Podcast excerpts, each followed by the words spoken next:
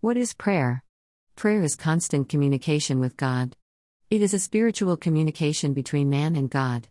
It consists of praise to God, thanksgiving, confession, supplication, and intercession to God. As a born again Christian, you are admonished to always pray. When things are good, pray. When things are bad, pray.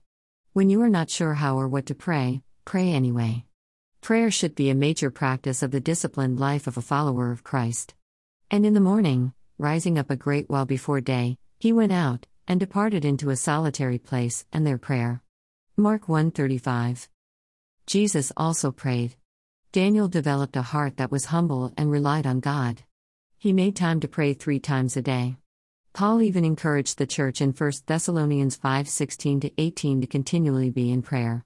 To pray for each other, for those in authority, and to constantly be giving thanks to God. Here are three steps to strengthen our discipline for prayer. 1. Set prayers apart. The more you pray, the more disciplined your prayer life will be. Prayer is a practice that requires discipline. 2. Withdraw, pull away from distractions, for example, the phone, the computers, the TV, and the constant noise. Find a quiet space such as your car, closet, in the woods to pray. Find solitude and pray. 3. Pray fervently. Praying should be active. Prayer is not to be taken lightly. Start by praying the moment you wake up in the morning. Thank God for a new day. Ask for strength to get you through the day. Find time throughout your day to thank God and praise Him. It's important to set aside some time each day to focus all your attention on God, but a busy routine shouldn't keep you from prayer. We must prepare our hearts for prayer. We must come before Jesus desiring Him alone.